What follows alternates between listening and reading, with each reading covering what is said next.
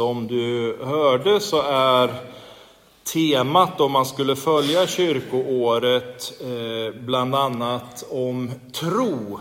Nu känner jag mig manad att gå åt ett lite annat håll även om det delvis berör det ämnet här idag. Och vi ska läsa ifrån Kolosserbrevet, det första kapitlet ifrån vers 3 och framåt. Och jag läser som jag brukar ifrån Bo översättning. Vi tackar Gud, vår Herres Jesu Kristi Fader, alltid för er i våra böner. Vi har ju hört om er tro på Jesus Kristus, om den kärlek som ni hyser till alla de heliga, därför att ni äger ett hopp som är förvarat åt er i himlen.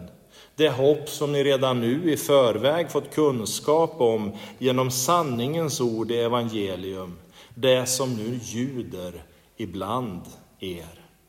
På samma sätt bär det frukt i hela världen och växer till så som det gjort också hos er, allt ifrån den dag då ni fick höra det och lärde känna Guds nåd sådan den verkligen är. Det var ju så ni fick lära er av Epafras, vår älskade medtjänare, som troget utför Kristi tjänst, där vi inte kan göra det. Det är också han som har berättat för oss om den kärlek som Anden verkat ibland er. Så tackar vi dig himmelske Fader för dessa ord och vi ber om ditt ljus över dem. I Jesu namn. Amen.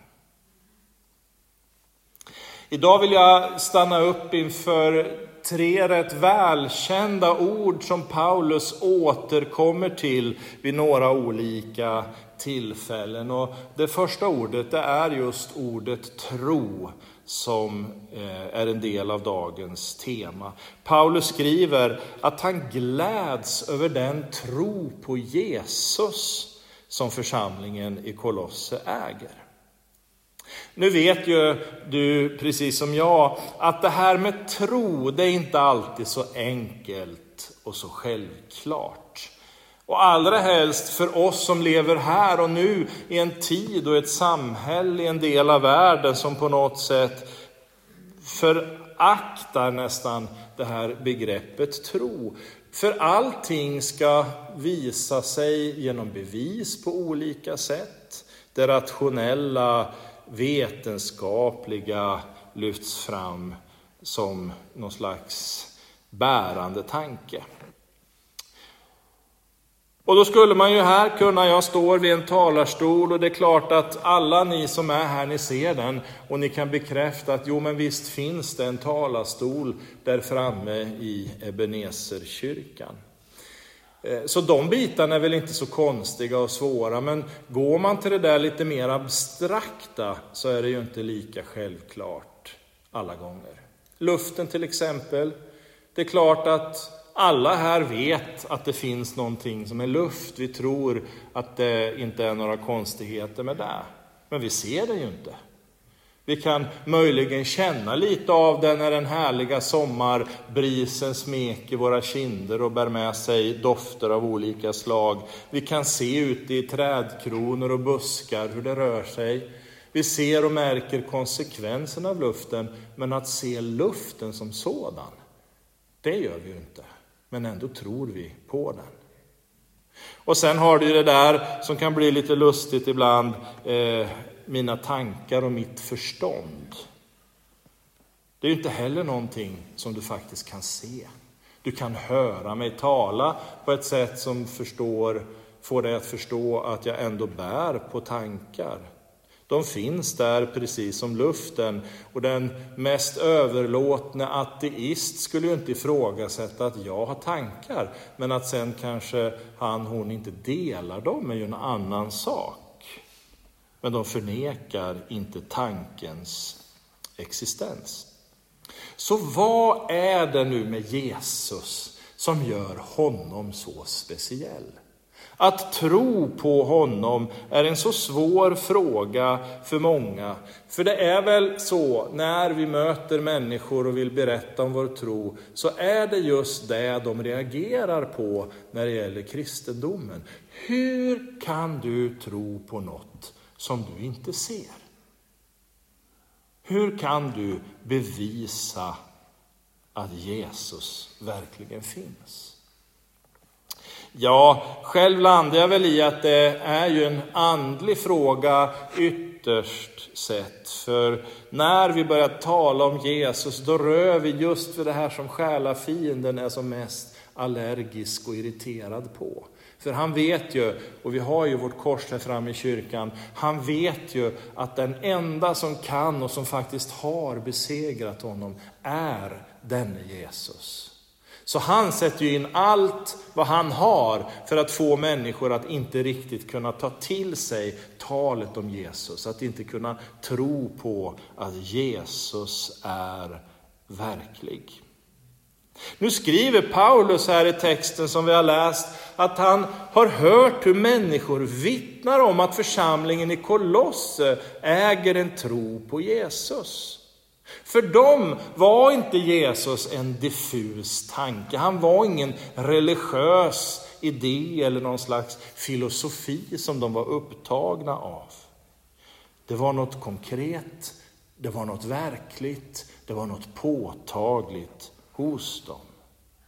Precis som att du och jag kan se varandra och beröra varandra här i rummet, så var det för församlingen i Kolosse med Jesus. Han var en levande verklighet. Poletten hade trillat ner i deras hjärtan.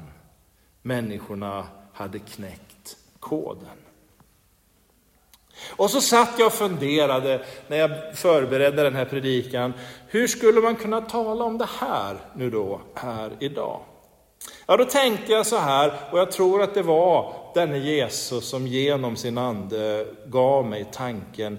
Det är ungefär som för barnet som lär sig att läsa.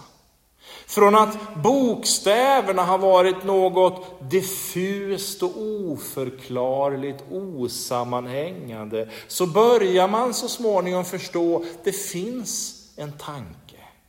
Och så börjar man kunna definiera olika bokstäver och ljud. Och så förstår man att vi kan få samman dessa bokstäver till ord som vi sen i sin tur kan foga samman till meningar och så kan vi börja tala med varandra.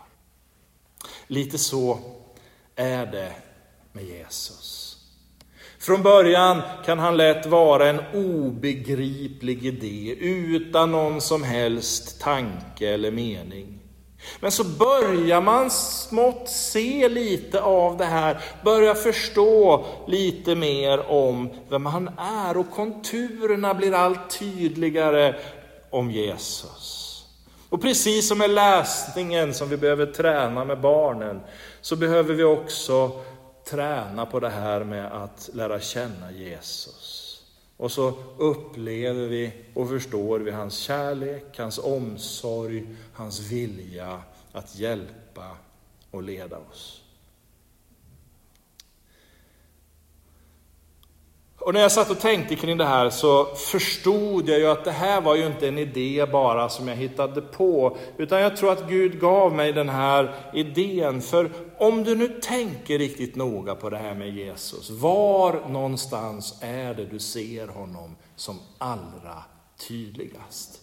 Jo, det är ju i den här boken, i Bibeln. Bokstäver och meningar som är sammanfogade genom den helige Andes försorg. försorg. Och genom att läsa Bibeln, inte bara Nya Testamentet utan också det Gamla Testamentet, så lär man sig successivt att förstå vem Jesus är. Från början kanske det är som för barnet med bokstäverna, det är diffust. Man läser orden och meningarna och man förstår ingenting. Men fortsätter man att läsa och jobba med texterna så successivt börjar Jesus att träda fram för oss. Han blir verklig för oss och han börjar leva för oss. Och så läser vi Johannes evangeliet att ordet blev kött och tog sin boning ibland oss. Och vi förstår, Bibeln är inte en historiebok. Det är inte en skrift bland andra skrifter. Allt som står där har givetvis hänt. Men det unika är att budskapet om Jesus, det lever än idag. Bibeln har ett ärende till dig som är här idag. Den Jesus som Bibeln vittnar om lever ibland oss 2019. Så det första Paulus tackar Gud för, det är att församlingen äger en tro på Jesus. Någonting som är verkligt levande och konkret. Och det påverkade omgivningen. Konsekvensen av denna tro för oss till det andra ordet, nämligen ordet hopp. Paulus säger att på grund av denna sin tro äger de ett hopp. Och där finns det i alla fall två saker att lyfta fram. Det första hör just ihop med tron på Jesus. Hoppet är en visshet om att Jesus, även om vi inte ser honom, så vet vi genom trons hopp i våra hjärtan att han är ändå här genom sin ande. Han är här för att röra vid oss, han är här för att tala till oss. Han är här för att hjälpa oss.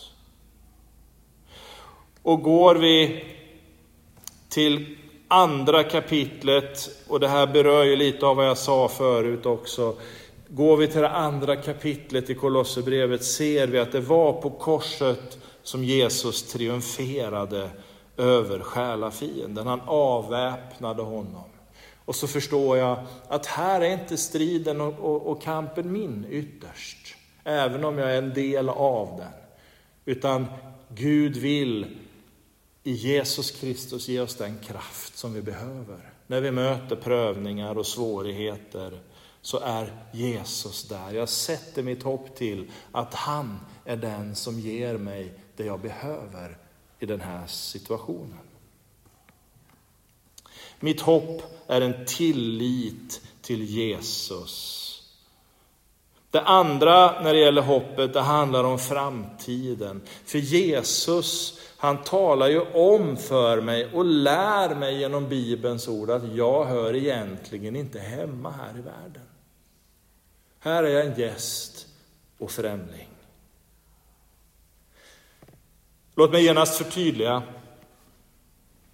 Livet som vi har här på jorden, det är ju givetvis en gåva som Gud har gett oss. En gåva att förvalta, en gåva att ta emot i tacksamhet och glädje. Vi blir inte någon slags livsförnekare när vi tillhör Jesus. Han ger oss all rätt att njuta av den goda maten, han ger oss rätt att njuta av den goda gemenskapen, han ger oss rätt rätt att njuta av tillvaron här och nu. Men samtidigt, och det är väl det som är viktigt, så behöver vi förstå att vi inte gräver ner pålarna så djupt att den dag han kommer för att hämta oss så får han inte tag på oss, för vi sitter så fast förankrade i den här världen. Hebreerbrevet vänder på den tanken och säger, det hoppet äger vi som ett själens ankare som är fast och säkert och når innanför förlåten dit Jesus gick in för att öppna vägen för oss. När Jesus fullbordade frälsningsverket här på jorden står det att han återvände till fadershuset till himlen. Och där har han förberett ett rum för dig och ett rum för mig. Fantastiskt. Och där är han nu i väntan på det kommande bröllopet mellan honom och församlingen. Och så står det att vårt hopp är ett själens ankare som är förankrat där, hos honom, i fadershuset, med en glädje och en lust som är större och som ger oss en längtan till att en dag få möta honom i himlen. Till sist, efter tro och hopp så kommer ordet kärlek. Paulus talar om den kärlek som anden verkat ibland er. Det hör delvis ihop med frågan om hoppet att Jesus verkar i och genom våra liv. För det här är ju fråga om den gudagivna kärleken som planteras i våra hjärtan när vi kommer till tro och låter Jesus prägla oss. Vi brukar kalla församlingen för Kristi kropp. Nu är inte han synlig här på jorden, utan nu är det vi som Guds folk som synliggör honom. Han bor i församlingen, han bor i våra hjärtan genom den helige Ande. Men nu är det vi som är hans mun som talar till människorna. Vi är hans armar som omsluter människor som är i behov av en omfamning. Vi är de fötter som går tjänstevilligt när det behövs hjälp av olika slag. Vi är Guds kärleks andedräkt i den här världen. Vi har hört om er tro på Jesus. En tro som föder ett hopp genom vilket den helige Ande låter kärleken verka genom er till dem som ännu inte har lärt känna Jesus. Låt oss be. Vi tackar dig himmelske Fader för din nåd, din barmhärtighet och din trofasthet. Tack att du har ett sådant förtroende för oss att du låter oss vara din förlängda kropp in i den här världen som är på väg emot undergång.